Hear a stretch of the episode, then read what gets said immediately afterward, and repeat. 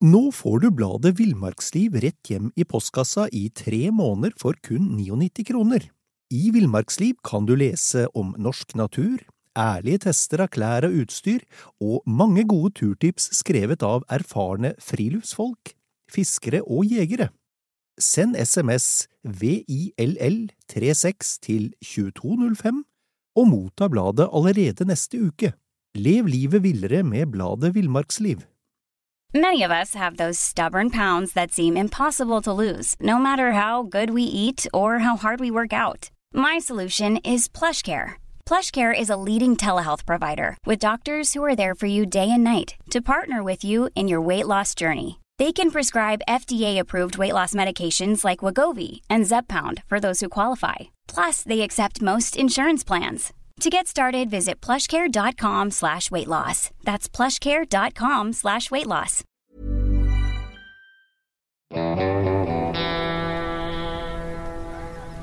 Velkommen til podkasten Villmarksliv. Mitt navn er Knut Brevik, og jeg er redaktør i bladene Villmarksliv, Jakt og Alt om fiske. I dag skal vi snakke om sportsfiskelegender.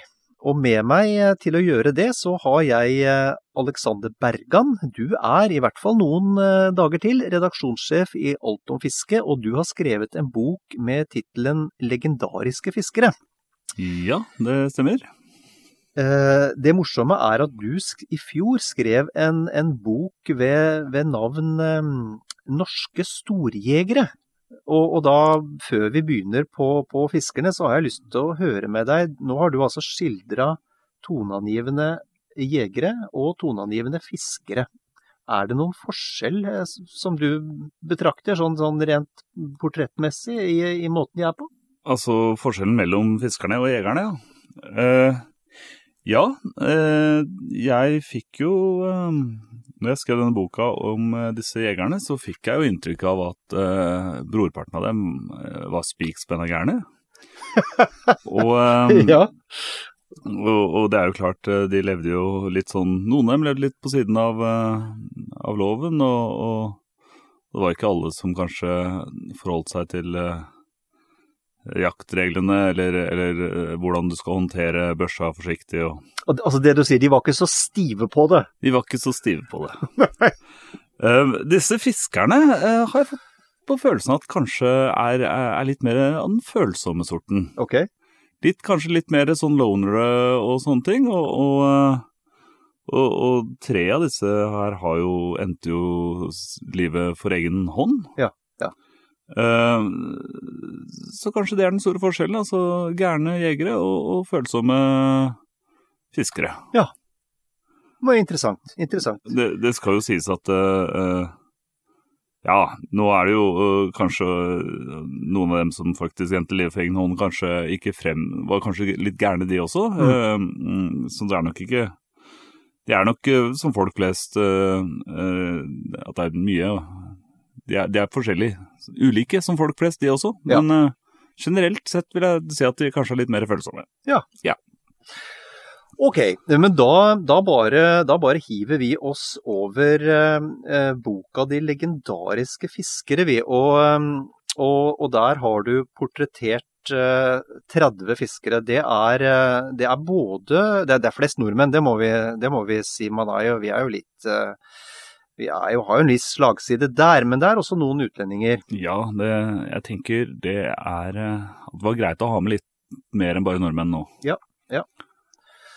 Og hvis vi starter eh, sånn eh, kronografisk med begynnelsen, det er alltid en god idé. Så hvis vi, hvis vi skal snakke litt om pionerene, de første de første norske sportsfiskerne som, eller som satte sportsfiske på skal vi si, eller planta, planta sportsfiske i nordmenns bevissthet. Mm.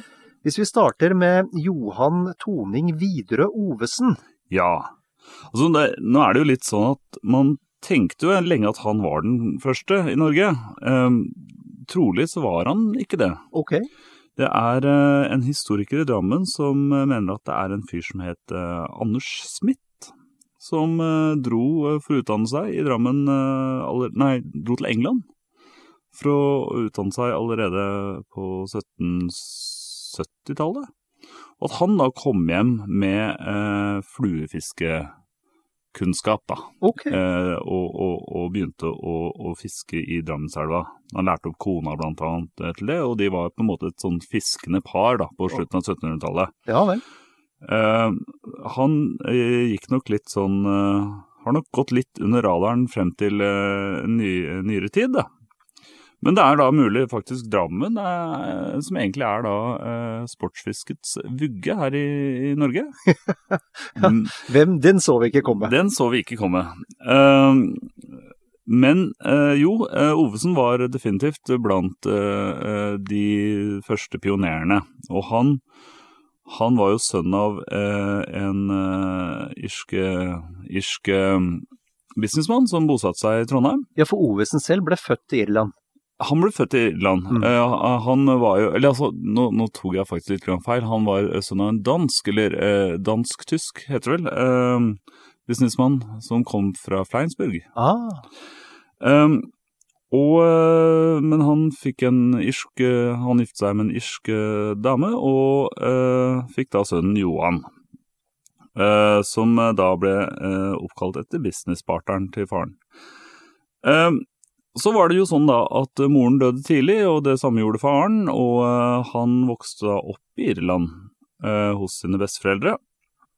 Og da han var ja, han var 16-17 år, eh, så dro han først eh, i 1920 da opp til eh, til Nei, unnskyld, tenker jeg. 1820, ja. Ja. Opp til Trondheim da, for å se foreldrenes gravplass og sånne ting. ah. Og ville liksom vite litt om kanskje røttene og sånne ting. Eller ikke røttene blir vel litt feil, men altså litt der hvor farens plass å være da, før han døde. Um, og forelsket seg i dette landet, um, og så Nidelva da. Og man sier at han først begynte å fiske med flue i Norge i 1822, men uh, den første turen han var oppover da, i 1820, det er jo fullt mulig han kastet en flue ut uh, i Nidelva da også. Mm. Um, men uh, han ble i hvert fall forelsket i landet og, og flyttet permanent oppover i 1922 da. Og han arvet en del penger, så han kjøpte da det som da het Leren gods, eller Leira gods, ved øver, Øvre Leirfoss. Og um, Som jo er kjent som en aldeles fremragende fiskeplass også i dag. det er det. Og øh, det var det da også. Mm. Og uh, det er klart at uh, han øh, ja, han var liksom lokalengasjert i forskjellige ting, men han hadde mye tid og god plass og, til å boltre seg med fiskestanga. da. Mm. Så var han av det rause slaget, så det kom jo folk opp for å besøke han, da, særlig engelskmenn og irrer og sånne ting, og de fikk også lov til å fiske, da. Ja. Så um, det er en annen ting også. Det, man, man sier jo at Namsen ble oppdaget av en ire, Ja. men det, aldri, det står ikke hvem denne iren var, men, Ah. men uh, man tror kanskje at det kunne vært da han Johan Tonning Videre Ovesen. Ja, Det er jo ikke så usannsynlig, er det vel det? Det er jo ikke så langt fra, fra Nidelven til, eh, til Namsen. Nei, det er, det, er, det er jo ikke det. Og det er riktignok noen som mener at han eh, Ovesen eh, pekte en ire i den retningen. At det er noen som også hevder, men det er jo noen som mener at det kanskje er usannsynlig at han ville pekt en ire til en elv uten først å fisket der selv, da. Det, det høres usannsynlig ut. Det høres usannsynlig ut. Men så er det jo Ja. Eh, det er jo flere, vært flere engelskmenn også som har kommet, da. Ja, og hvem vil, du, hvem, vil du, hvem vil du snakke om som en god nummer to her? Det er jo um, Vi kommer ikke unna Robert Dalton Hutchinson. Og um, han kom til Norge uh, på begynnelsen av uh, 1800-tallet. Ja. Uh, I 1826, eh, mener jeg husker. Og eh, han fant seg godt rett i Drammen. Han var en del av tømmeradelen. Um, og da hadde han jo Drammenselva mer eller mindre alene. Og, det er litt morsomt at du sier det, fordi eh, jeg tenker bare sånn eh, det, det høres litt uforståelig ut i dag, men på begynnelsen av 1800-tallet så hadde folk mer enn nok med å overleve. Mm. De, og fiska de, så var det med garn. Ja ja, da var det, det var mataukfisking, stort sett. Ikke sant? Så jeg, Mm. jeg vil jo tro at for den jevne nordmann så fortonte det seg som fullstendig galskap å stå og svinge med en fluestang. Ja, det gjorde det nok, men man må også huske at uh, den galskapen uh, kunne de tillate så lenge, så lenge disse gærne engelskmennene og irene som kom hit, uh, betalte for seg. Ja, Da kan de få svinge. For, for det første svinge så mye de vil. For, for, det første, så, eh, for det første fikk de jo, altså, tok de jo langt mindre fisk enn det de hadde gjort hvis de hadde fiska med garn. Mm. Mm.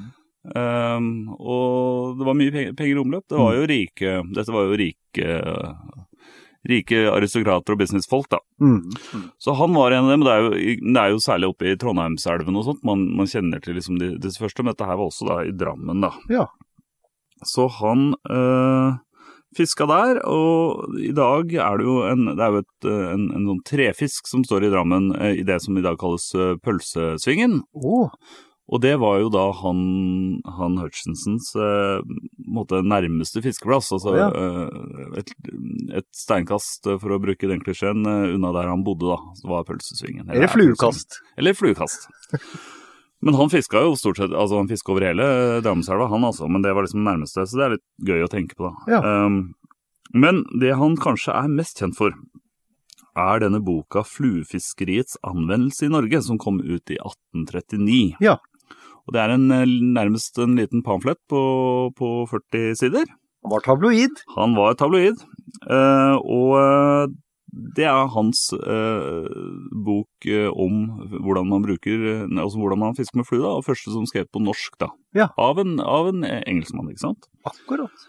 Og, og um, han var ganske forut for sin tid. da. Han snakket jo om forvaltning og, og foreslo fredningstider og sånne ting. Han var ganske langt fremme da i forhold til uh, nordmenn eh, når det kom til det å tenke på, på de tingene der. Ja.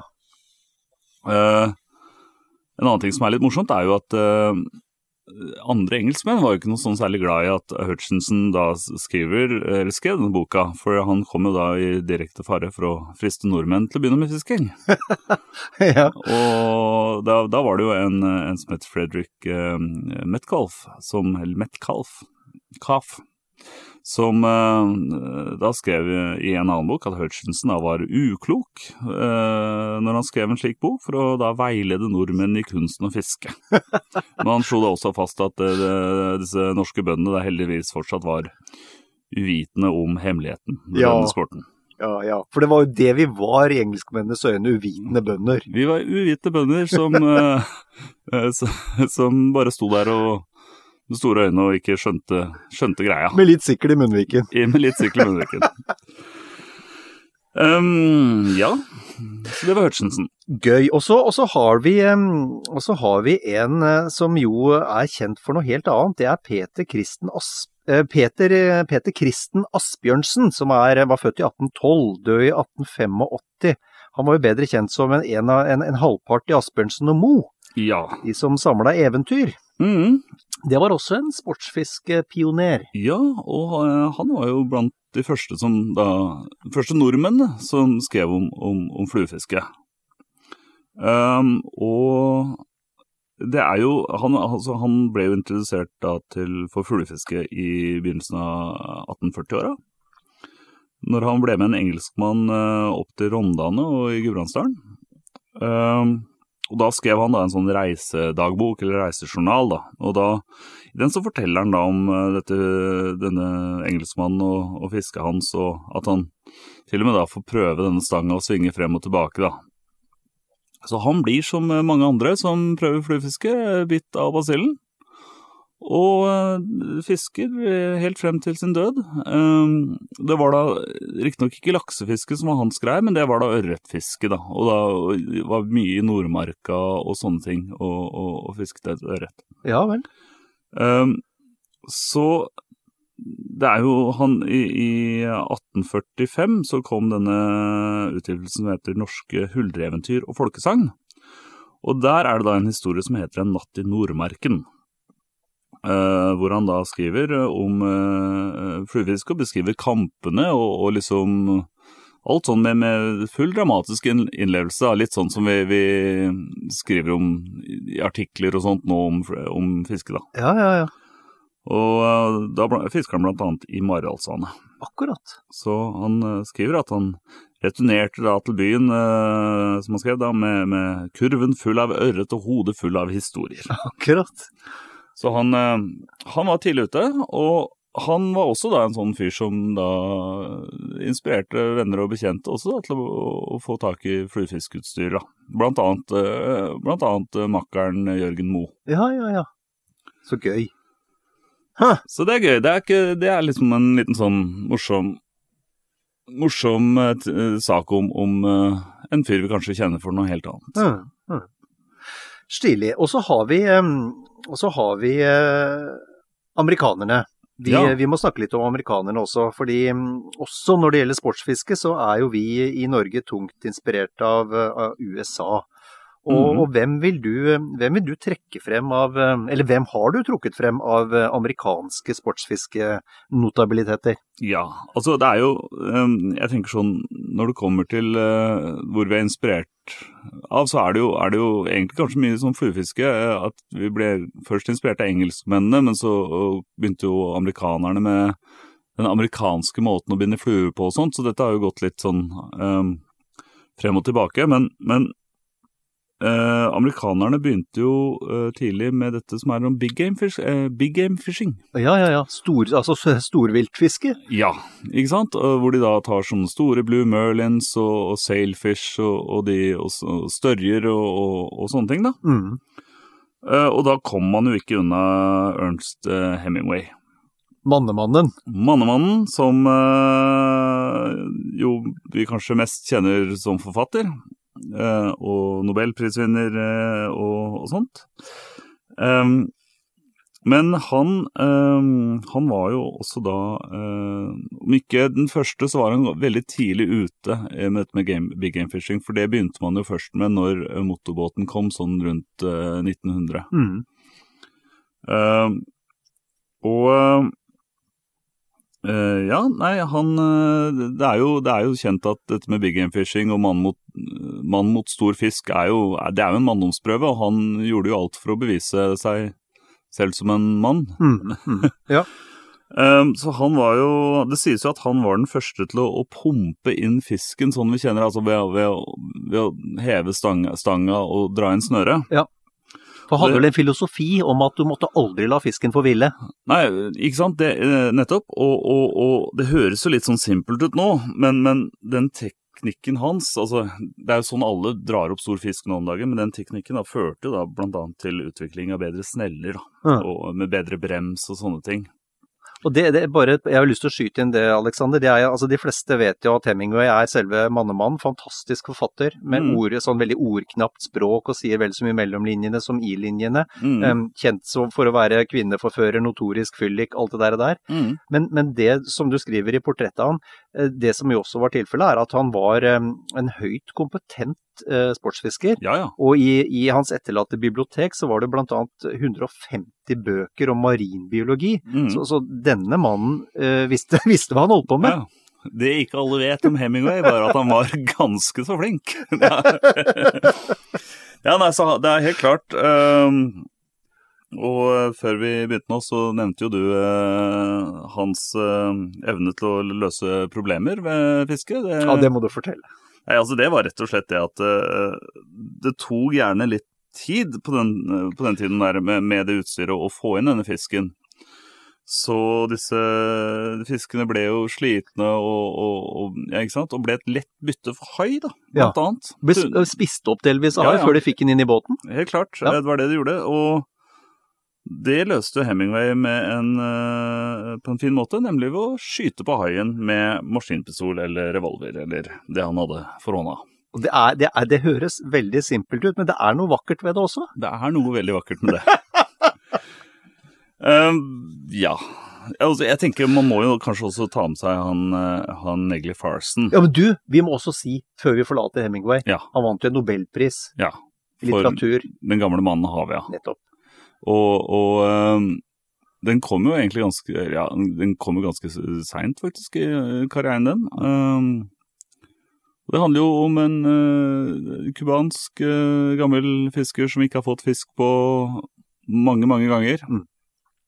men som endelig kroker da en, en eh, Er det en blue merlin, eller er det en sverdfisk? Eller nå husker jeg pokker ikke helt. Det er i hvert fall en stor fisk. Det er i hvert fall en stor fisk. Som han kjemper med, Mm. Og som oppdager også at den er spist opp av hai for øvrig, når man, eh, før han får den i land. Mm. Mm.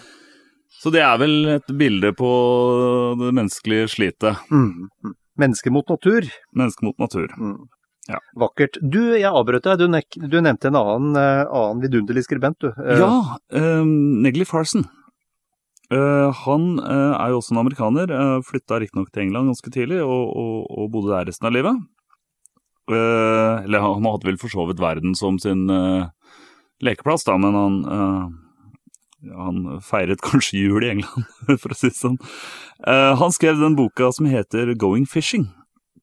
Og jeg lurer på om den kom ut i, i begynnelsen av 40-tallet. Nei, det er litt usikker. 42, tror jeg kanskje. Mm. Um, den ble oversatt til norsk som 'Verden rundt med fiskestang'. Mm.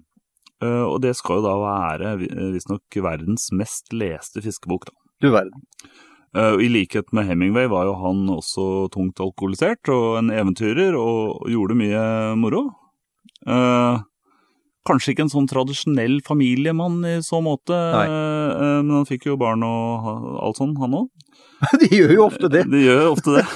Kanskje, kanskje flere enn de aner, faktisk.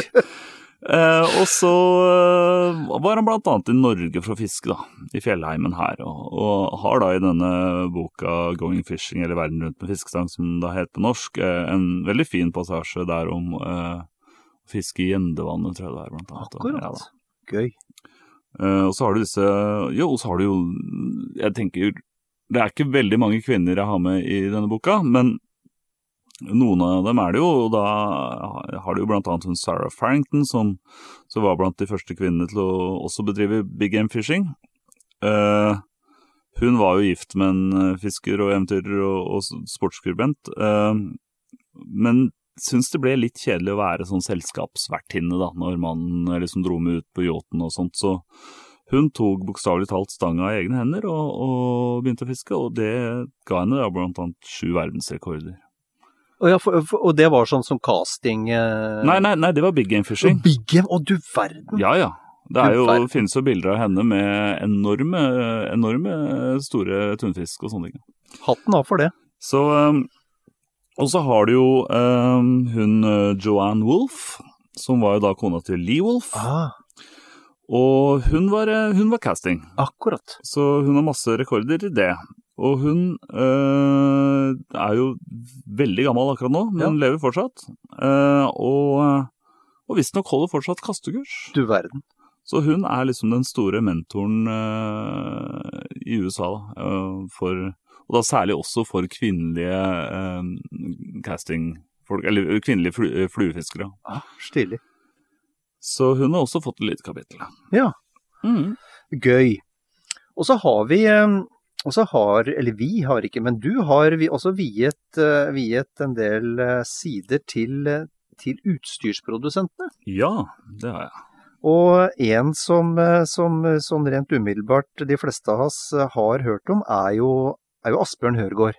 Ja. Det er jo disse Hørgaard-stengene, Hørgaard-snellene og Hørgaard det ene og det andre. Mm. Um, um, det er, altså, jeg har skrevet om både Hørgaard og, og Sigurd Vangen. St- Stangmakeren. Ja, stangmakeren, Ja. Og, og begge disse her, de startet jo begge som stangmakere. På, nærmest på gutte, gutterommet, altså. Ok. Eh? Det er jo massevis av hytter omkring eh, nå som har en Høgård eller en Vangenstang hengende som et uh, klønodrum på, på, på hytteveggen. Mm. Og dette var da split cane-stenger. Ja, ja, ja. Eh, altså bambusstenger. Ja. Eh, men uh, han eh, godeste Høgard, han uh, utvida jo, uh, utvida jo uh, produksjonen sin til å gjelde da også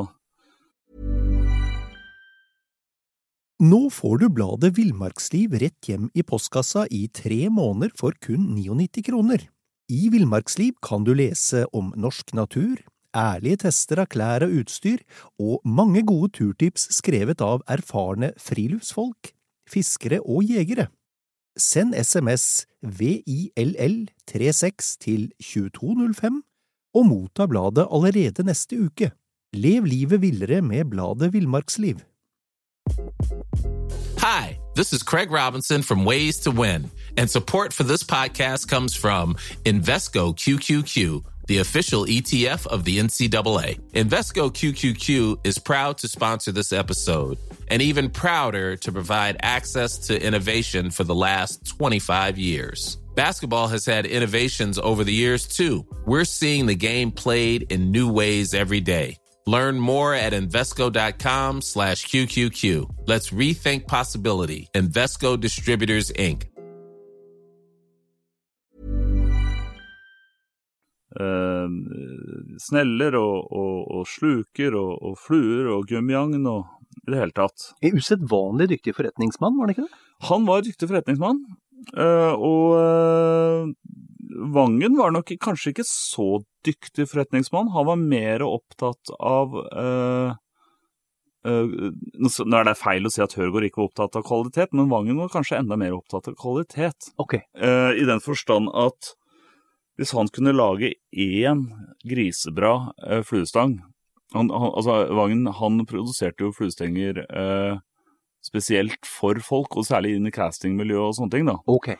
Så han, ville, han hadde nok mer, satt mer pris på å lage én bra fluestang enn å masseprodusere mange mindre bra. da. Perfeksjonist, da. Perfeksjonist. Um, uh, men selvfølgelig, begge to lagde jo kjempebra stenger. Mm. Um, Og Hørgaard er jo kjent for, for stingsilda si og ja da. Hørgaard, det hjulet. Mm. Ja. Eh, så uh, Og så var det noe agn som kanskje ikke er så enkelt å få tak i nå, men eh, det er jo dyret til Hørgaard, var det jo? Ja, ja, ja. Det har jeg, til, det har jeg også kjøpt. Ja, du har det, ja? Ja. Ja, der ser du. Mange år siden, riktignok. men- Ikke sant? Um, nei, så um, de er jo med. Felles for dem var jo at de var uh, skeptiske, ganske skeptiske til nytt, uh, produksjonsmater- uh, nye produksjonsmaterialer. Hadde ikke noe tro på glassfiber. Ikke noe tro på glassfiber.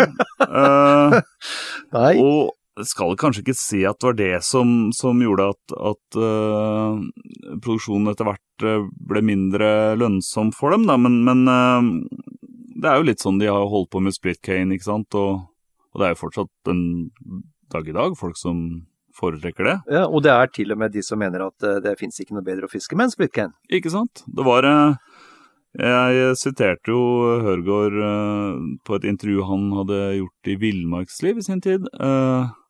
hvor igjen han siterte en amerikansk, amerikansk fluefisker som sa at han kunne begynne med, med glassfiberstenger så fort eh, noen hadde spilt Beethoven eh, på en plastikkfiolin i, i Carnegie Nei, Carney Hall. Jeg ser Så- den, altså. Ja, Jeg ser så- den. Og så må vi jo ta med han eh, Arnulf Jørgenus Hoff. Ja. Han har også skrevet om. Og det var også en eh, trønder, i likhet med Hørgaard. Som eh, da eh, startet denne Delfin slukfabrikk. Ah, klassikeren. Så den er, jo, det er jo en klassiker. Det er jo folk som uh, fisker med delfinsluker den dag i dag, Mm. og ikke vil fiske med noe annet. Men han da var, han var en gullsmed, utdannet gullsmed. Han var for øvrig han var mye annet, han også. Han var jo eh, seiler og opptatt i den Trondheim seilforening, og, og formann der en periode. Og, og mye sånne ting, men han var uh, utdannet gullsmed og lidenskapelig fisker. Og uh, historien skal ha det til at da han var 19 år gammel, så var han og noen kompiser på en dorgetur uh, i et vann uh, i Trondheim. Ja vel. Og fisken beit ikke, da. Nei. Eh, Noe som jo ofte er tilfellet. noe som ofte er tilfellet. Og det var vel da en gang at han da dro frem da en, en eh, sluk han hadde laget selv, som han kalte for hesteskoen, da. Og den tok fisk. Og ikke bare én, men flere. Ok.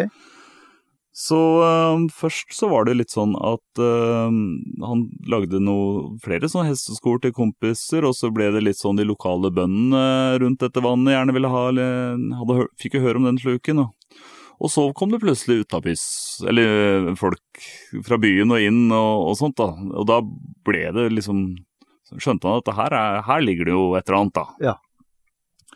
Så han eh, slutta etter hvert som gullsmed. Det er jo som en sluk er jo mer verdt enn en gullring. Ja. Eh, så, og dannet da denne delfinslukfabrikk.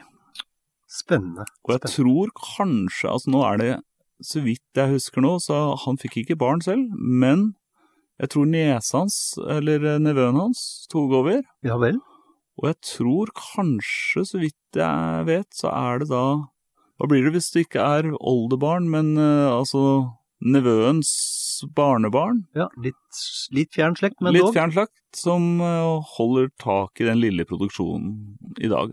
Hei, så morsomt. Det er morsomt. Så ja. Gøy. Så ja, det er, eh, og det, og- det som også er litt sånn morsomt når det gjelder alle disse utstyrsprodusentene, er at de, de ble jo altså, Det de produserte, ble jo kjent utenfor landets grenser også. Ja. Eh, så flere engelskmenn og, og sånne ting eh, Engelskmenn og sånne ting. eh, var jo interessert i, i utstyr som ble laget her i Norge, da. Så Stilig. mhm, Stilig. Og det er vel også et uttrykk for at det var bra det de lagde. det er det nok. Det ble ikke bare handla inn av ren, eh, av ren eh, nasjonalisme. Nei, ikke sant. Og det er jo Jeg, jeg nevner jo han eh, Patriotisme. Patriotisme, ja. Jeg nevner jo han Jens Hansen blant annet på Gjøvik også, som lagde jo Devon-sluker. Ja, Og det, Devon-slukene er jo opprinnelig fra Devon, eller ja, Devon i England. Mm. Eh, men eh, også han, eh, selv om da disse da ble produsert i et lite verksted på Gjøvik, så fikk jo han også takkebrev fra, fra engelskmenn Ja. som hadde kjøpt hans eh, Gjøvik-produserte Devon-sluker, da. Så det er klart at uh, norske utstyrsprodusenter har, eh, har uh, bemerket seg da internasjonalt også. Ja, det er gøy. Og så er det en vi, vi rekker jo bare naturligvis å snakke om noen av, av de 30 du har portrettert på en så fremragende måte, men eh, vi må snakke litt om det vi har, eh, det vi har eh, rubrisert som formidlerne også, Aleksander. Ja, og en av, en av de som det jo er mulig å si mye om, og som det også er skrevet en, en bok om, og som selv skrev mye, det er jo, det er jo Jakob Sømme. Jakob Sømme. Ja, han er jo Han har jo skrevet det som kanskje står som den største pålan i eh, av, av fiskebøker i Norge, Ja. nemlig Ørretboka. Ja, selve Ørretboka. Selve Ørretboka. Uh, nå husker jeg ikke i hodet hvor mange utgaver den har kommet eller altså hvor mange som har uh, kjøpt denne boka. Altså, altså hvor, uh, hvor mange eksemplarer som er blitt solgt. Men det er dørgende mye. Ja. Den kom ut i 1941. Ja. Krigen var i gang, ikke sant? Mm. Og, og, og i stor grad bidro til at liksom ørreten ble nasjonalfisken. Ja. For han, han skrev jo han, altså hans, Den boka er jo basert på, på hans forskning og, og fisking på Hardangervidda, ikke sant? Mm. Som, som ble liksom en slags sånn, hva skal jeg si, et, et sted hvor tyskerne aldri kom, ikke Ja. sant? Ja. Så det ble, så det ble et um, eh, ja, så det ble, ble en slags sånn nasjonalsymbol under i krigen, rett og slett. Um, Og det var jo passende all den tid Sømme jo også var motstandsmann. Han var motstandsmann, aktiv. Ja. Uh, det er en uh, Hva skal jeg si uh, ja, de, de, de oppvarte informasjon på mikrofilmer og sånne ting, ikke sant? Mm. Eh, og så han, han med, gikk, var jo en av de som eh, brakte informasjon fra et sted til et annet. Og eh, han fant ut at hvis du skilte eh, dette tynne plastlaget fra det litt stivere plastlaget, holdt jeg på å si, På, på på filmen, ja. Ja. Og du rullet det sammen og stappet det opp under øyelokket. Under øyelokket. Under øyelokket så var det mindre sjanse for å bli tatt av tyskerne. Du verden. Ehm, så ja, nei ehm, Men ja, han eh, gjorde mye for eh, det vi kan om ørret. eh, for å formidle det vi kan om ørret i dag. Og var en seriøs forsker og, og, og sånt. Var mye litt sånn i krangel med både Norges jeger- og fiskerforbund og alt sånn om, om en del ting i forhold til forvaltning, da. Han var stridbar. Han var stridbar. Ja.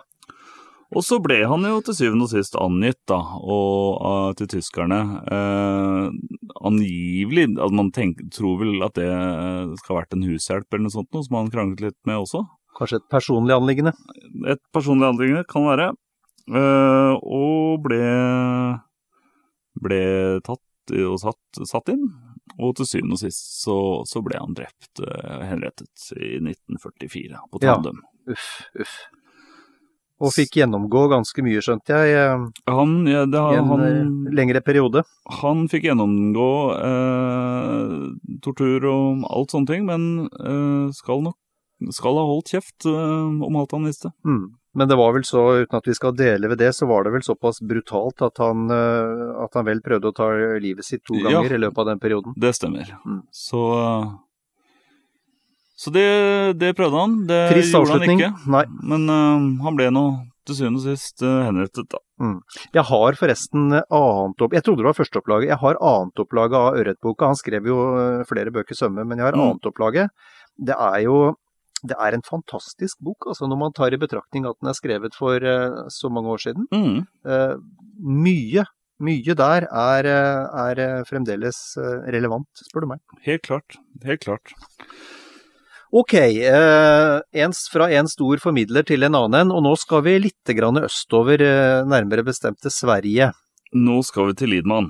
Selveste Lidmann. Ja. Svartån.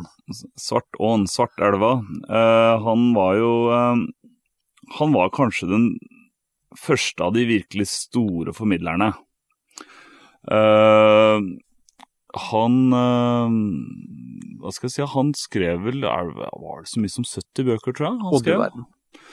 Uh, og mange av disse er jo mange av disse er jo oversatt til norsk. Uh, Hans Lidman var uh, en litt sånn deprimert fyr. Ok. Sleit litt med Faren hans tok jo selvmord og, og, og, litt sånn forskjellig, og, og, sleit litt med det. Mm og fikk nok kanskje litt ro i sjelen av å, å, å fiske og, og, formidle disse fiskehistoriene. Mm. Og han er jo, altså hans formidlingsevne var jo utrolig, um, og veldig inspirerende, og han fortsetter å inspirere den dag i dag. Ja, veldig flink til å gjenskape stem eller skape stemninger, syns jeg. Ja, han er, han er absolutt, og, og, det er jo liksom litt sånn morsomt at det, det er ikke bare fiskinga, men, men, det er også alt rundt, mm. ikke sant. Turen han er på, folka han møter. Veldig godt beskrevet. Mm, mm. Um, og um, jeg vil jo tro at uh, vår egen Torbjørn Tufte, som vi skal snakke om kanskje sikkert innom etterpå, han, mm. uh, han var nok også inspirert av, av, av Lidman, vil jeg tro. Mm. Jeg tror mange, mange norske skribenter fra, mm. fra den perioden uh, var, var, inspirert av Lidman. Ja, det vil jeg absolutt tro. Og han ble lest like mye i Norge som han ble i Sverige. Ja. Jeg har også hørt, uten at jeg veit om det stemmer, at det, for han skrev jo om svarteånd. det var jo, det var jo et begrep for uh, for, for, for, uh, for um, selve, selve, elva, men at det egentlig er Kalixelva? Det kan nok stemme. han, han brukte Svartelva bare for, ja, som du sier, som Sånn generelt begrep ja. for Men ja, om det kan fint være at det var Kalixelva, det. Uten at jeg skal uh, si det for sikkert akkurat nå. Nei. Fall, det er en liten stund siden jeg har skrevet, uh, skrevet denne historien. Ja, i hvert fall en fantastisk, fantastisk skribent. Mm, du, nevnt, du, nevnte jo Tufte, Torbjørn Tufte. Ja. Og det er jo en av grunnleggerne av, av Villmarksliv. Mm. Og han kjente vel du også?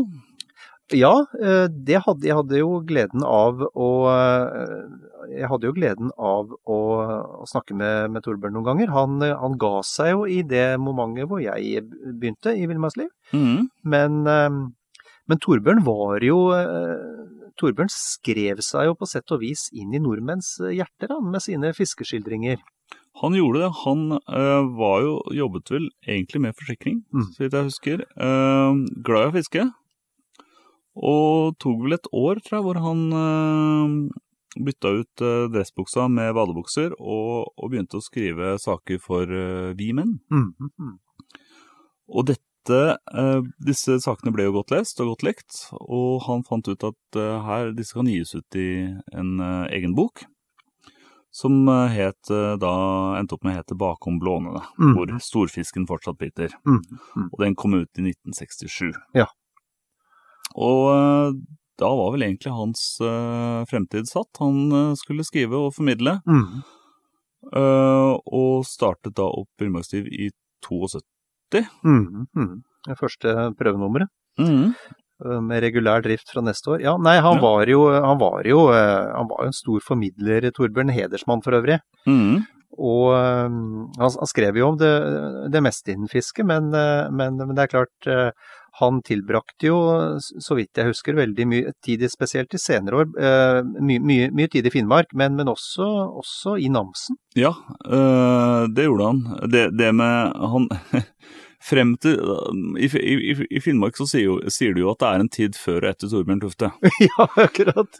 Fordi eh, Finnmark var jo nesten øh, var jo en ukjent perle for folk flest eh, når det kom til fisking, før øh, Torbjørn Tufte kom og avslørte alle fiskevanna der Ja, oppe. ja.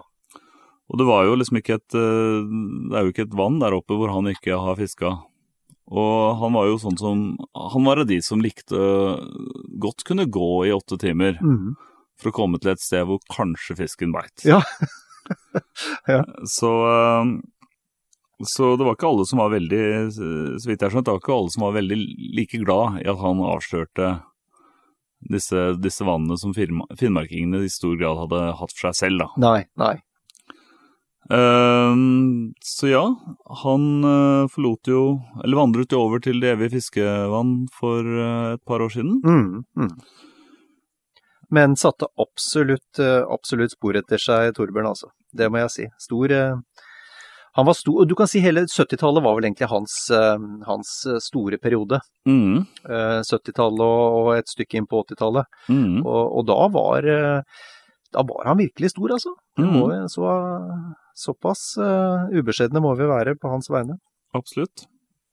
En som kom litt senere, men som jo leverte stoff til, til bl.a. Torbjørn og Villmarksliv, det, var jo- det var jo den trivelige dansken Jens Bløgg Hansen. Jens Plau Hansen. Ja, det, Ja. det er så riktig. Uh, ja, det er jo han eh, Det var jo hippiefiskeren, det, med, med skjegget og uh, maispipa. Mm. Det må jeg forresten fortelle, han var jo innom oss uh, når han var i Oslo. Mm, Og da hadde, vi, da hadde vi en i redaksjonen som var svært, svært overbevist antirøyker. ja, nettopp. Vedkommende trodde åpenbart at røyking var usunt. Nettopp. Så, men, men det var én som vi ikke ville drømme om å nekte å røyke pipe i redaksjonen, og det var Jens. Nettopp. Jens fyrte opp pipa si hver gang han kom. Det ble aldri nevnt med et ord. Nettopp, nettopp. Nei, sånn er det når du har litt autoritet. ja, nei, altså Jens Plau Hansen, han eh, han er jo kanskje nesten mest kjent for, eh, for dette med å ha revolusjonert eh, det skandinaviske fiskefotoet. Ja. Eh, veldig dyktig fotograf. Mm. man må tenke at han tok jo bilder på et tidspunkt før digitalkameraene kom. Ja. Nå kan vi jo skyte av eh, 400 bilder i sekundet nærmest og, og få alle fiskens små og store bevegelser. Mm. Dette klarte han med et eh, vanlig analogt uh, sperrereflekskamera. sperrereflekskamera. Ja. Og det er, ganske, eh, det er ganske morsomt å se på sportsfiskebilder, dekning av sportsfiskebegivenheter, mm. før og etter Jens. Ikke sant? Fordi før så var det veldig mye, veldig mye oppstilte bilder med død fisk, mm. eller landskapsbilder. Mm. Etter at Jens revolusjonerte, eh, vil jeg si, eh, den delen av eh, journalistikken som gikk på sportsfiske, så fikk du altså Han tok bilder av ørret som sprella i lufta. Mm. Du så de enkelte vanndråpene sprute. Mm. Han tok eh, splittbilder. Altså fantastisk, fantastisk fotograf, altså. Og veldig, veldig nytenkende. Helt klart, helt klart. Og så skrev han en rekke bøker, han også, og, og artikler, og, og var en, eh, en eh, Han var ikke en sånn som bare fiska ørret, eller bare så han var allround-fisker. Ja. Kunne fiske det aller meste. Mm. Um, ja Og eh, voldsom, voldsom produksjonstakt, husker jeg. Ja. Um, han produserte altså bøker på løpende bånd, og det var, det var litt sånn at hvis man savna en, en sportsfiskesak, så ringte man til Jens. Eh, og, og da tok det, eh, hvis han var i støtet da, så tok det en dag eller to, og så var det fiks ferdig med bilder, billedtekster, alt Mm. helt perfekt. Egentlig bare å sette rett til trykk. Og dette kom gjennom eh, oppfinnelsen fax, vil jeg anta. ja, det er korrekt. Det er korrekt. Ja, og dess, Dessverre, som uh, Liedmann før han og Hemingway før han igjen, holdt jeg på å si, så endte han jo eh, livet for egen hånd. Mm, dessverre, ja. Så um, Altfor tidlig. dette, er det som, dette er blant annet det som får meg til å tenke at disse fiskerne er litt følsomme, da. Vi skal, vi skal også snakke eh, litt om eh, tiden, tiden løper jo fra oss her, men vi skal snakke litt om en, en levende legende fra Trondheim. Ja. Nemlig, nemlig Thor Hansen. Han, i likhet med Johan Wolff, er da eh, en av de to i boken som fortsatt uh, lever. Ja. Um, det, det må jeg bare skyte inn, altså um, det, det, det er jo mange legender, altså levende legender den dag i dag, Ja, ja, ja. eh, som eh, også egentlig skulle fått plass i boka, men da tror jeg ikke denne, da hadde vi ikke nok ikke sittet og snakket om denne boka her nå. Da Nei. måtte vi nok ha ventet et, enda et par år. Ja. Ehm, men ja, han er jo en legende fra Nidelva, og eh, har vel da det som skal være den uoffisielle verdensrekorden i antall laks over 20 kilo. Mm. Og det er 23 stykker, er det jeg husker. Helt vanvittig, vet du. Ja. Helt vanvittig. Uh, det er, eh, men det er, det er, det er vanvittig, som du sier, og, og, og imponerende. Mm. Det som kanskje er litt, enda litt mer imponerende, dersom det stemmer, er at han mener å ha forutsett uh, disse, disse fiskene sine. Ja.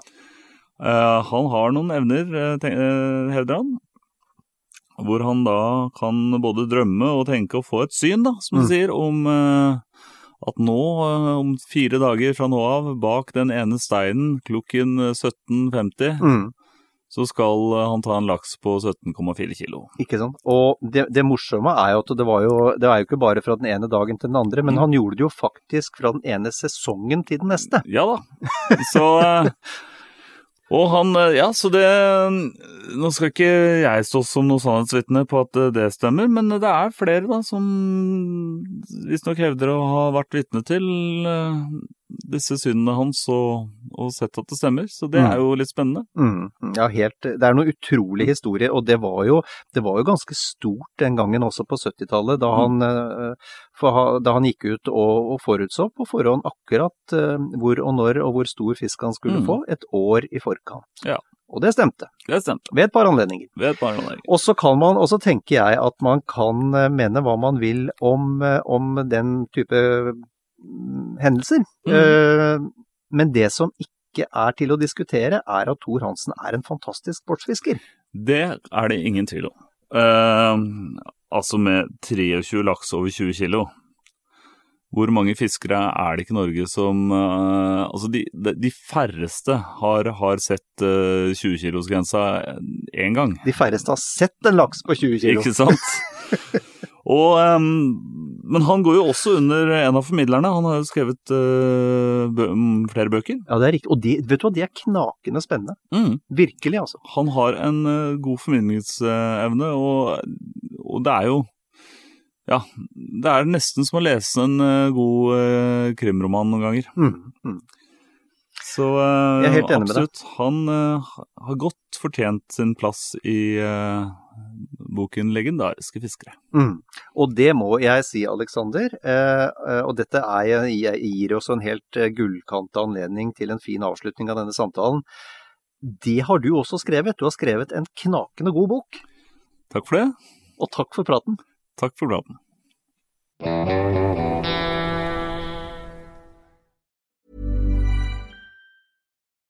Nå får du bladet Villmarksliv rett hjem i postkassa i tre måneder for kun 99 kroner. I Villmarksliv kan du lese om norsk natur, ærlige tester av klær og utstyr, og mange gode turtips skrevet av erfarne friluftsfolk, fiskere og jegere. Send SMS VILL36 til 2205 og motta bladet allerede neste uke. Lev livet villere med bladet Villmarksliv. Hey, it's Danny Pellegrino from Everything Iconic. Ready to upgrade your style game without blowing your budget? Check out Quince. They've got all the good stuff shirts and polos, activewear, and fine leather goods, all at 50 to 80% less than other high end brands. And the best part? They're all about safe, ethical, and responsible manufacturing. Get that luxury vibe without the luxury price tag. Hit up quince.com slash upgrade for free shipping and 365 day returns on your next order. That's quince.com slash upgrade. Even when we're on a budget, we still deserve nice things. Quince is a place to scoop up stunning high-end goods for 50 to 80% less than similar brands. They have buttery soft cashmere sweaters starting at $50, luxurious Italian leather bags, and so much more. Plus, Quince only works with factories that use safe, ethical, and responsible manufacturing. Get the high-end goods you'll love without the high price tag with Quince. Go to quince.com slash style for free shipping and 365-day returns.